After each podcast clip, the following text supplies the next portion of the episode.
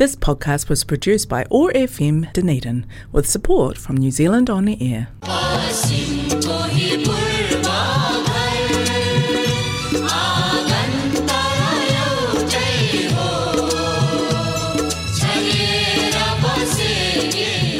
नमस्कार क्यावडा हरेक मङ्गलबार साँझको छत्तिस बजी प्रसारण हुने ओटागो एक्सिस रेडियोबाट सञ्चालित कार्यक्रम हाम्रो आवाजमा म आशिषको सम्पूर्ण श्रोताहरूमा हार्दिक अभिवादन डनेडी नेपाली समाज प्रस्तुत गर्दछ कार्यक्रम हाम्रो आवाज र यस कार्यक्रमलाई प्रायोजन गरेको छ कनेक्टिङ कल्चर र एथनिक कम्युनिटीले हाम्रो आवाज ओटाको एक्सिस रेडियो एक सय पाँच थप्लो चार मेगाहर्समा हरेक मङ्गलबार न्युजिल्यान्डको समयअनुसार साँझ छत्तिसदेखि सात बजीसम्म सुन्न सक्नुहुनेछ भने पोडकास्ट तथा आइट्युनबाट तपाईँले चाहेको बेला सुन्न सक्नुहुनेछ।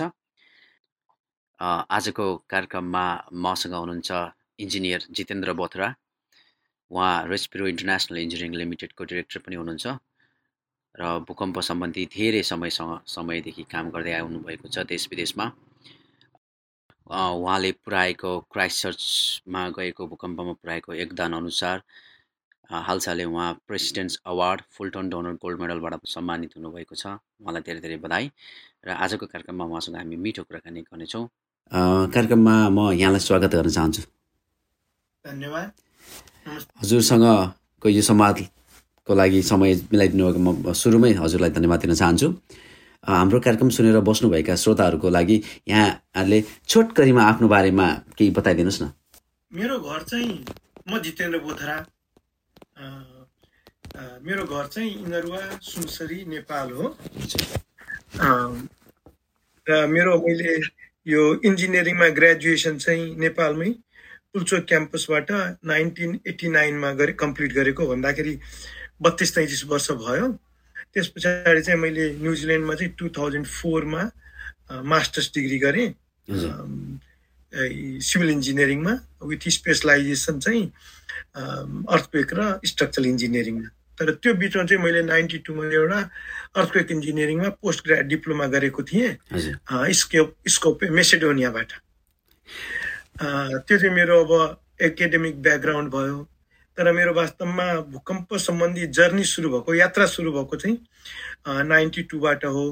जब नेपालमा बिल्डिङ कोड बन्यो भवन संहिता भनौँ जसले बिल्डिङ कोडले चाहिँ बिल्डिङको सुरक्षा कसरी प्रदान गर्ने र कति प्रदान गर्ने भन्ने कुरालाई निश्चित गर्छ।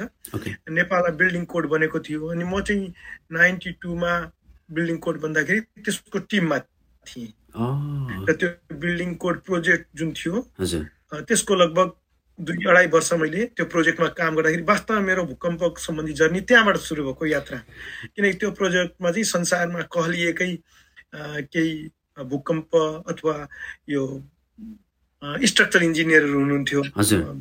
जो अन्तर्राष्ट्रिय रूपमै प्रख्यात हुनुहुन्थ्यो।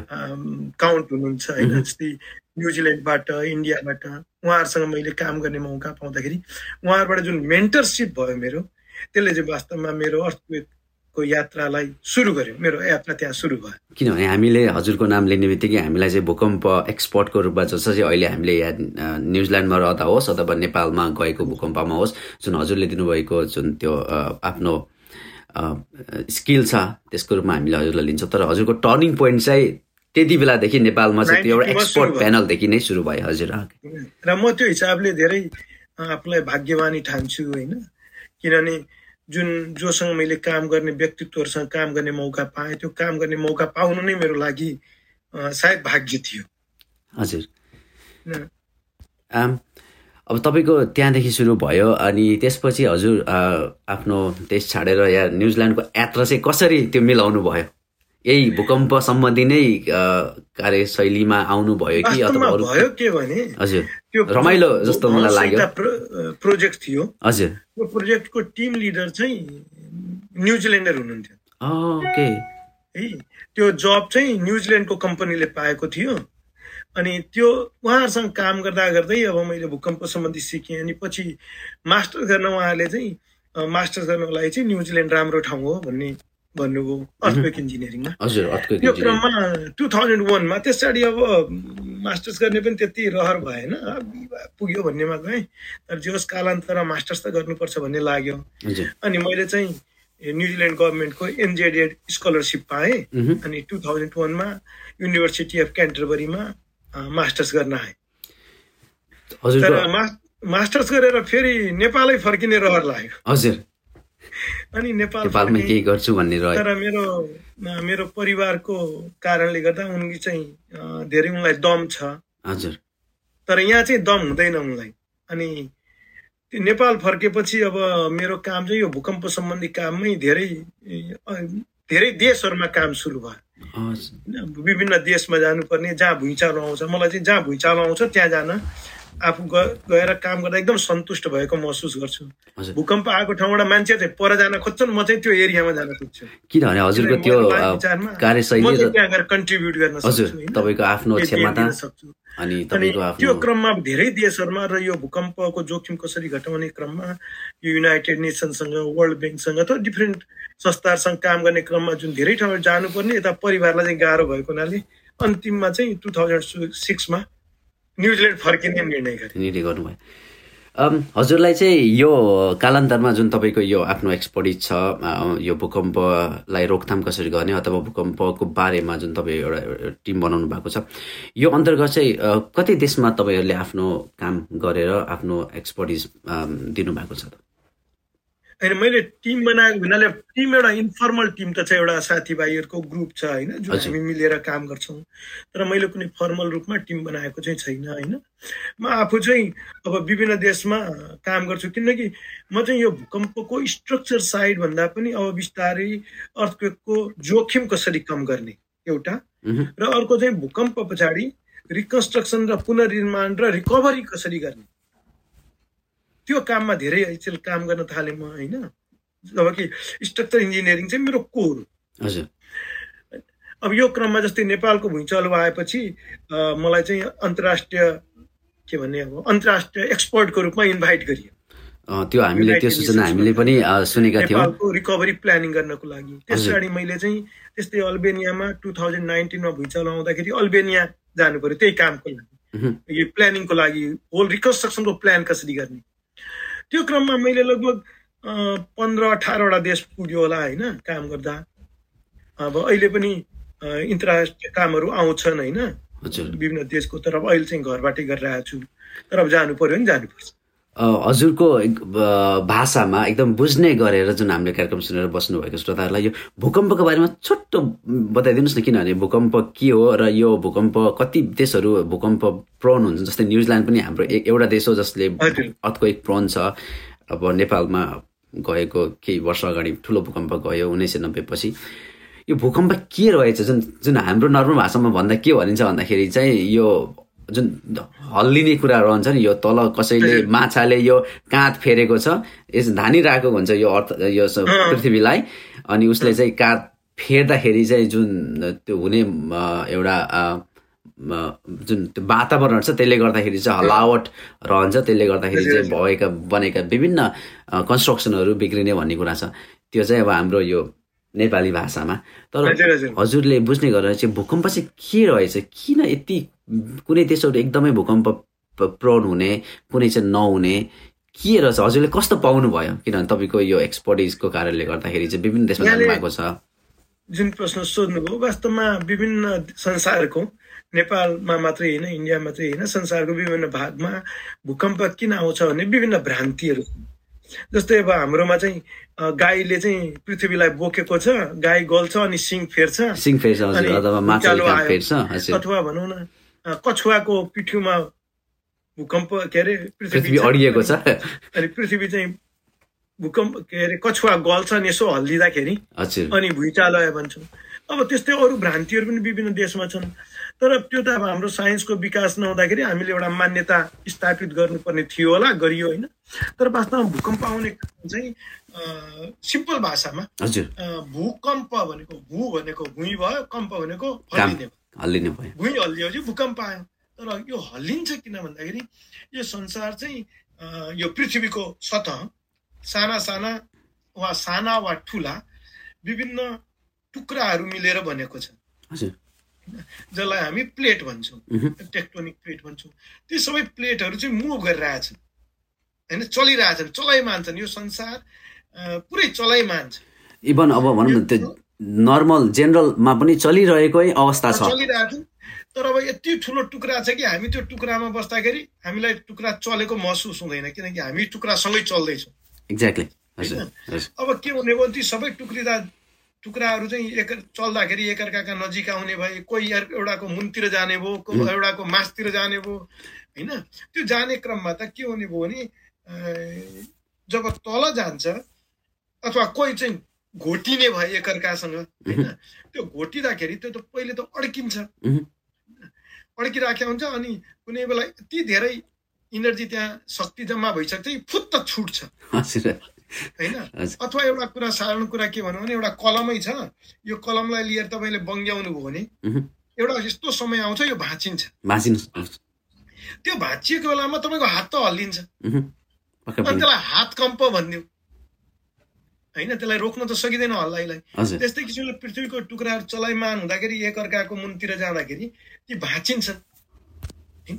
ती भाँचिँदाखेरि कुनै एउटा समय आउँछ भाँचिन्छन् भाँचिने बित्तिकै हल्लिन्छ। तर त्यो भचाइ त धेरै ठुलो भचाइ हो। होइन? त्यसको हल्लाइ धेरै परसम्म जाने भयो त्यस कारण भुइँचालोको मूल आधार चाहिँ यो जुन पेक्टोन टेक्टोनिक प्लेटको जुन मैले कुरा गरेँ टुक्राहरूको यी अर्का एकअर्कासँगको घर्षणको कारणले यिनीहरू भाँचिने कारणले हुन्छ।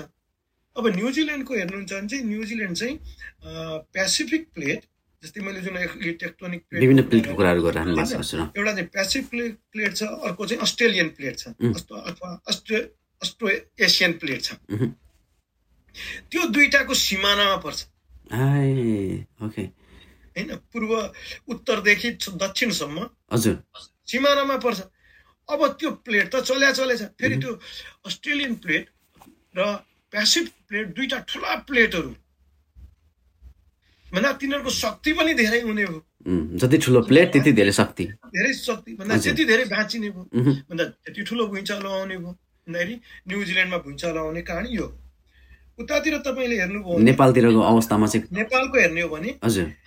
नेपाल चाहिँ मोटामोटी अस्ट्रेलियन प्लेटतिर पर्यो अथवा अस्ट्रो अस्ट्रो एसियन प्लेटतिर अस्ट्रो एसियन प्लेटतिर होइन? यो जुन हामी हिमालय देख्छौँ हिमालयको पारिपट्टि चाहिँ युरेसियन प्लेट भयो। होइन?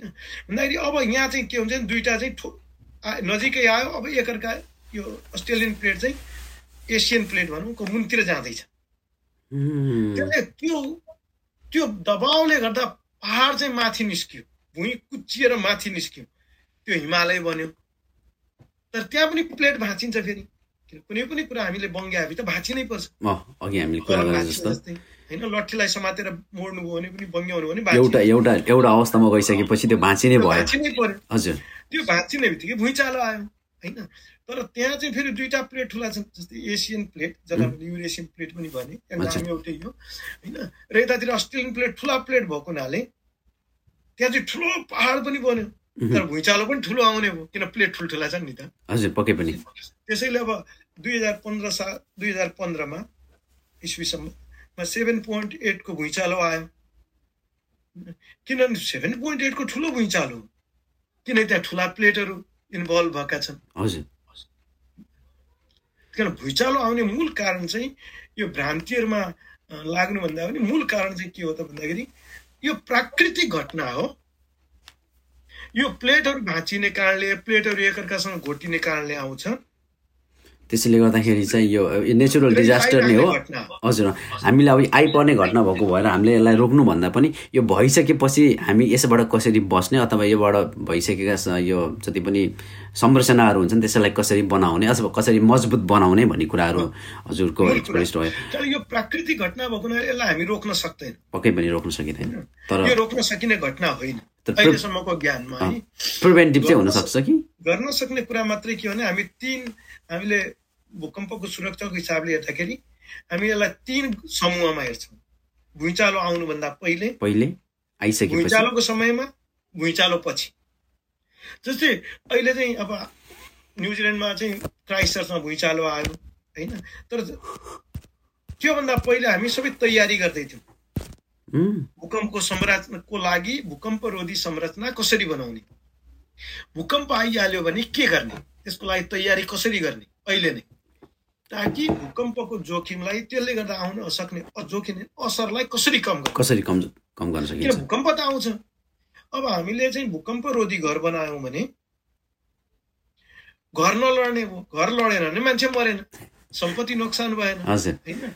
अब दुई हजार दसमा भुइँचालो आउँदा थुप्रै संरचनाहरू भत्किए किनकि त्यसमा धेरै संरचनाहरू चाहिँ यो भूकम्पको हाम्रो ज्ञान सुरुभन्दा पहिले नै बनेका थिए संरचनाहरू तिनीहरू त भूकम्प रोधी थिएनन् क्राइस्टर्समा धेरै भए अथवा पछि बनेका संरचनाहरू पनि जस्तै क्राइस्टर्सको माटो धेरै कमजोर थियो हाम्रो ज्ञान कम थियो होला होइन? किन यो ज्ञान चाहिँ बढ्ने क्रममा छ हाम्रो। होइन ज्ञान त जहिले पनि बढिरहेको छ। भने क्राइस्टर्समा ठुलो नोक्सान भयो। तर त्यसबाट हामीले के गर्यो भने त्यसलाई क्रा भूकम्प आएपछि कसरी मान्छेलाई व्यवस्थित गर्ने कसरी राख्ने त्यो एउटा भयो तर लगतै पछि अब न्युजिल्यान्डमा चाहिँ हामीले नयाँ यसरी भवन संहितालाई धेरै नै इम्प्रुभ गरेका छौँ परिमार्जित गरेका छौँ। होइन? ताकि भूकम्पको लागि नयाँ बन्ने भवनहरूलाई अझ राम्रो गराउन सकियोस् ताकि भूकम्प भुइँचालो अब भविष्यमा आउने भुइँचालोको असर कम होस्। तर त्यो सँगसँगै हामीले चाहिँ के गरेका छौँ भने न्युजिल्यान्डमा भइरहेका भवनहरूलाई कसरी तिनीहरूको परीक्षण गर्ने ताकि तिनीहरू भूकम्पको लागि सहने योग्य छन् कि छन् कि छैनन् तिनीहरूलाई कसरी मजबुत गर्ने भन्ने हामीले अर्को संहिता बनाएको छौँ जसको एकजना अथर म पनि हो। न्युजिल्यान्डभरिको लागि हामीले संहिता बनायौँ। होइन? अनि त्यो संहिताले चाहिँ भइरहेको भवनहरूलाई कसरी परीक्षण गर्ने कसरी एसेस गर्ने उनीहरूको क्यापासिटी कसरी पत्तो लगाउने त्यो भुइँचालोले त्यसले थ्याक्न सक्छ कि सक्दैन भन्ने हेर्ने र सक्दैन अनि त्यसलाई कसरी मजबुत गराउने भन्ने हामीले संहितै बनाएको छौँ अर्को। अब हजुर यसरी यो पनि थियो त्यसलाई अझ हामीले धेरै परिमार्जित गर्यो। हजुर पक्कै पनि। अब मैले यहाँ चाहिँ सानो कुरा एउटा के जोड्न चाहेँ भन्दाखेरि चाहिँ हजुर अब यो विकसित देशमा चाहिँ जसरी भूकम्प आउनुभन्दा अगाडि आइसकेपछि र आउँदाखेरि र आउ आइसकेपछिको जुन कुराहरू छ यसलाई चाहिँ तपाईँ। पहिले हजुर। यसलाई चाहिँ यहाँको र मैले तुलना गर्न खोजेको होइन। हामी चाहिँ त्यो हिसाबले हाम्रो आफ्नो देशमा चाहिँ हामी कुन अवस्थामा छौँ त? हामी कहाँ हामीले हामीले गरेको कुराहरू कतिसम्म यो भूकम्प पीडि भूकम्पलाई रोक्नको लागि अथवा हामीहरूसँग भएको संरचनाहरू संरचनाहरू के के पाउनु भयो? असर कम गर्नको लागि हजुर हजुर हजुर दुई हजार पन्ध्र सालमा नेपाल जाँदाखेरि चाहिँ यहाँको गभर्मेन्टले तपाईँलाई चाहिँ एक्सपोर्ट प्यानलको रूपमा नेपाल पठायो र त्यहाँ अध्ययन गर्नको लागि। के पाउनु भयो एउटा एउटा एउटा चाहिँ मैले यहाँ चाहिँ के गर्न चाहेँ भन्दाखेरि चाहिँ एउटा विकसित देशमा चाहिँ हामी अझै। अग्रिम अग- अग्रिम एउटा तयारी गर्दैछौँ। हरेक संरचनादेखि लिएर सबै कुराहरू कसरी कम गर्न सकिन्छ? र अर्को एउटा हामी ठाउँमा छौँ हामी विकसित हुँदै गरेको देशमा छौँ आफ्नो देशमा छौँ त्यहाँ चाहिँ कस्तो संरचनाहरू बनिरहेका छन्? त्यहाँ के के कुराहरू भइरहेको छ कस्तो पाउनु भयो त्यो त्यो फरक म यहाँ श्रो- श्रोताहरूलाई? भनिदिनुहोस् न। एउटा कुरा चाहिँ पहिले म त्यो जानुभन्दा पहिले म एउटा कुरामा एकदम एकदमै के विश्वास राख्छु भने मेरो आफ्नो एक्सपिरियन्स जुन पन्ध्रवटा बिसवटा देशहरूमा मैले काम गरेँ भनौँ युरोपदेखि लिएर न्युजिल्यान्डसम्म। बिचको मैले बाह्र बिसवटा देशमा काम गरेँ। त्यसमा विकसित देश पनि परे अविकसित देश पनि परे विकासोन्मुख देश पनि परे। मेरो एउटा एक्सपिरियन्स चाहिँ के रह्यो भने सुरक्षा कुनै एब्सोल्युट कुरा होइन।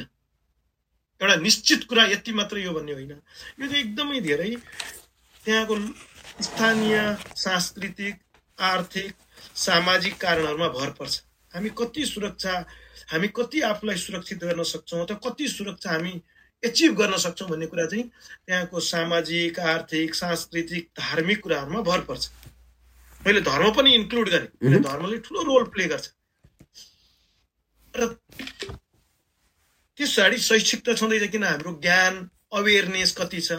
त भएको ज्ञानलाई हामी कति आत्मनिहित गर्न सक्छौँ भन्ने कुराहरूमा भर पर्छ। अब न्युजिल्यान्ड र नेपालको चाहिँ तुलना गरौँ। जस्तै नेपालमा चाहिँ सेभेन पोइन्ट एटको म्याग्निच्युडको भुइँचालो आयो होइन? त्यसमा लगभग नौ हजार हाम्रो नागरिकहरूको मृत्यु भयो। बहुत दुःखदायी घटना थियो। जबकि त्यत्रै भुइँचालो न्यु न्युजिल्यान्डमा त्योभन्दा धेरै सानो आएको हो। तर मृत्यु दर हेर्ने हो भने त धेरै कम छ। होइन? किनभने त्यसको कारण के भने यहाँको संरचना हाम्रो भन्दा धेरै राम्रो छ। किन यहाँ पूर्व तयारी छ। भूकम्प आउने बित्तिकै गर्न सक्ने व्यवस्था जुन हो त्यसको असर कम गर्ने। किन घाइते त भए तिनीहरूलाई कति छिटो उपचार दिन सकिन्छ। उपचार दियो भने तिनीहरू बाँचे. उपचार दिएन भने तिनीहरू मरे। जो। बाँच्न सक्ने थिए ती मरे नि त होइन? भने यहाँ उपचारको एउटा राम्रो व्यवस्था भयो। त्यस पछाडि चाहिँ त्यस पछाडि गर्ने के भन्दाखेरि न्युजिल्यान्डमा तुरुन्तै एक्टिभिटी नयाँ रोयल कमिसन गठन भयो। त्यसले अब देशलाई कसरी लाने यो भूकम्पको जोखिमलाई कम गर्न भन्ने एउटा ठुलो भनौँ योजना प्रदान गर्यो। जुन अहिले इम्प्लिमेन्ट भइरहेछ विभिन्न रूपमा। जबकि हामी कहाँ चाहिँ के भने हामी अहिलेसम्म एकदमै बेसिकमा छौँ। एकदमै बेसिकमा छौँ। पहिलो कुरा। अहिले अर्को कुरा मैले हेरेको चाहिँ हाम्रो देशमा चाहिँ एउटा ज्ञानको त कमी छँदैछ। होइन? आर्थिक रूपमा हामी कमजोर भयौँ। किन? भूकम्परोधी घर बनाउन खर्च लाग्छ। फ्रीमा हुँदैन। होइन? सामाजिक रूपमा हामी धेरै पछाडि छौँ। सांस्कृतिक रूपमै हामी पछाडि भन्नाले यो सुरक्षा सम्बन्धी कुरामा पछाडि छौँ। अब भगवान्ले बचायो भने बाँचिएला अब होइन भने मरिन्छ नि भन्ने त सकियो नि। हाम्रो हामी त्यहाँबाट सुरु गर्छौँ त्यही त पूर्व तयारी भन्नुभन्दा पनि भगवान् भरोसा जस्तो। भगवान्लाई छोडिदियो सकिहाल्यो। जबकि वास्तवमा त कृष्णले त भन्नुभएको छ नि कर्म गर फलको इच्छा नगर। होइन हामी कर्मै नगरेर भगवान्लाई छोडिदियो त फलको इच्छाको कुरै भएन। हाम्रो धर्मले भनेकै कुरा मानेको छैन कृष्णजीले भन्नुभएकै कुरा मानेको छैन। भने त्यो एउटा। मैले देखेको कुरा। अर्को चाहिँ हाम्रो चाहिँ एकदम ठुलो डाइभर्सिटी भयो। जस्तै एकातिर ढुङ्गा माटोको घर छ। जुन कि भूकम्पमा अति नै जोखिम अर्कोतिर एकदम ठुला ठुला पक्का भवनहरू छ। पक्का भने कङ्क्रिटका स्टिलका भवनहरू भए अब अहिलेको हाम्रो पढाइले चाहिँ के गर्छ? नेपालको जुन एजुकेसन नेपाल इन्डिया मैले अरू थुप्रै देशमा यो एजुकेसन सम्बन्धी काम गरेको सिस्टमले के गर्छ भने खालि यो मोडर्न कन्स्ट्रक्सनलाई प्रमोट गर्छ। नेपालमा लगभग सत्तरी पर्सेन्ट भवनहरू ढुङ्गा माटो इँटामा बनेका घरहरू छन् जसको विषयमा युनिभर्सिटीमा पढाइ हुँदैन। नहुने बित्तिकै त उनीहरू पढ्छन् के भन्दाखेरि कङ्क्रिटको भवनहरू पिलरवाला भवन। बलियो हुन्छ बलियो हुन्छ भने त्यो मात्रै पढ्ने। भन्दाखेरि सत्तरी पर्सेन्ट पपुलेसनलाई त हामीले त क्याटरै गरेर हाम्रो एजुकेसनले सिस्टमले क्याटरै गरेन। भन्दाखेरि इन्जिनियरलाई तपाईँले सोध्नुभयो भने उसको पहिलो जवाब नै के हुन्छ भने यो यो ढुङ्गा माटोको घर बनाउने होइन। तर नबनाएर गर्ने के त? ऊ कहाँ जान्छ? छानो त चाहियो नि त। र लाइफलाई चाहिँ सुरक्षाले होइन छानोले र लाइभलीहुडले गाइड गर्छ। होइन? सुरक्षा भन्ने कुरा पछि हो।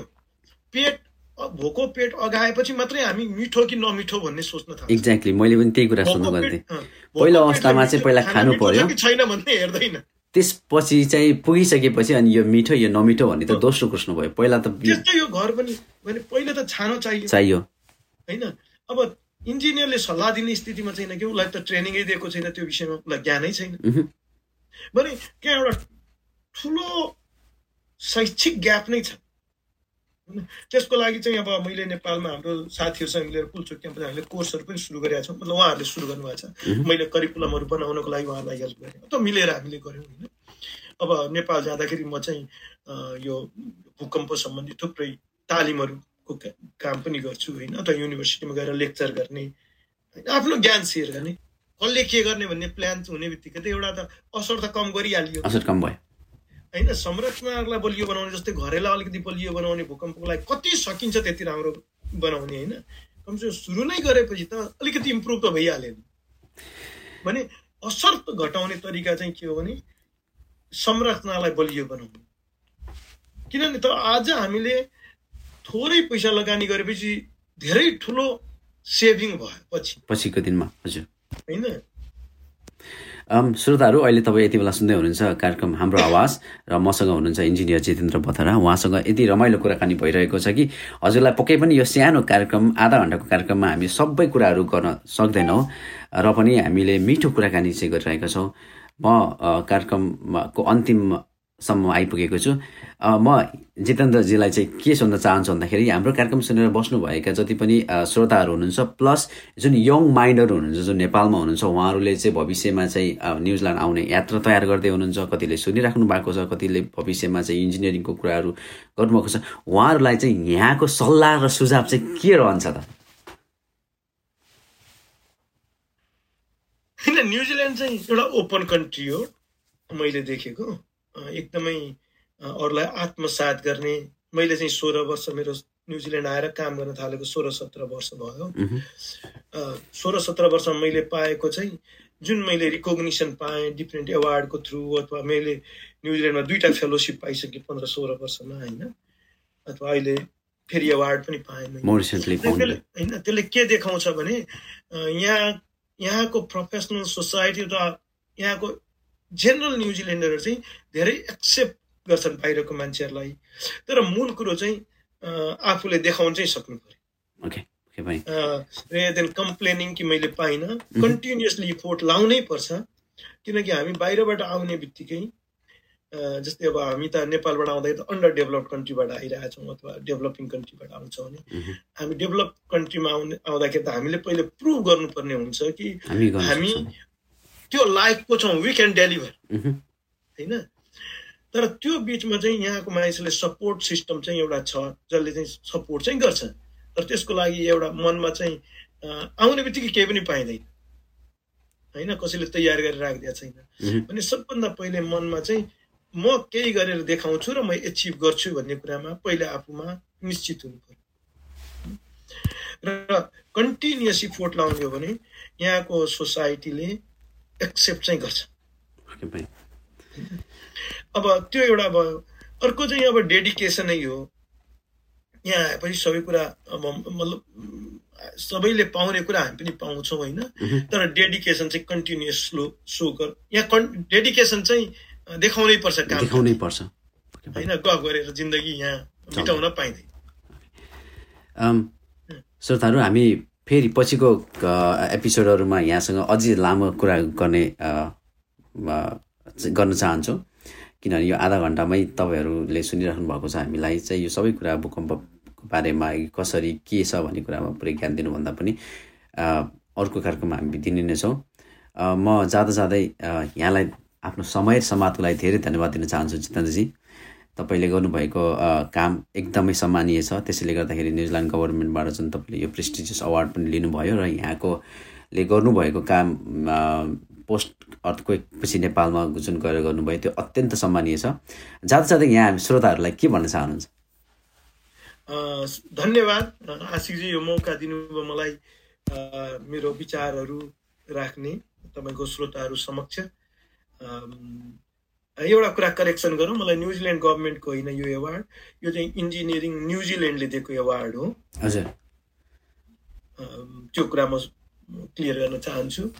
तर श्रोताहरूसँग मेरो मलाई सुन्नुभएकोमा धेरै धन्यवाद। यहाँहरूको केही जिज्ञासा रह्यो भने मसँग सम्पर्क गर्नुभयो भने म धेरै नै खुसी हुनेछु। यहाँहरूको केही जिज्ञासा छ त्यसलाई म शान्त गर्न सक्यो भने। अथवा नयाँ आउने भाइहरू कोही हुनुहुन्छ जो इन्जिनियरिङमा लाग्न चाहनुहुन्छ भने उहाँहरूसँग मसँग उहाँहरूले मसँग सम्पर्क गर्नुभयो भने मैले जानेको कुराहरू निश्चित रूपमा उहाँहरूसँग सेयर गर्नेछु। सायद मेरो लागि त्यो एउटा अर्को एउटा अपर्च्युनिटी हुनेछ। पक्कै पनि यहाँ यहाँको जुन एक्सपर्टिज छ जुन त्यो एक्सपर्टिज आउने भाइ बहिनीहरू जसले इन्जिनियरिङ ब्याकग्राउन्डमा के गर्न चाहनुहुन्छ उहाँहरूको लागि धेरै नै ठुलो हुनसक्छ। भन्दै म आजको कार्यक्रम यही अन्त्य गर्न चाहन्छु धन्यवाद नमस्कार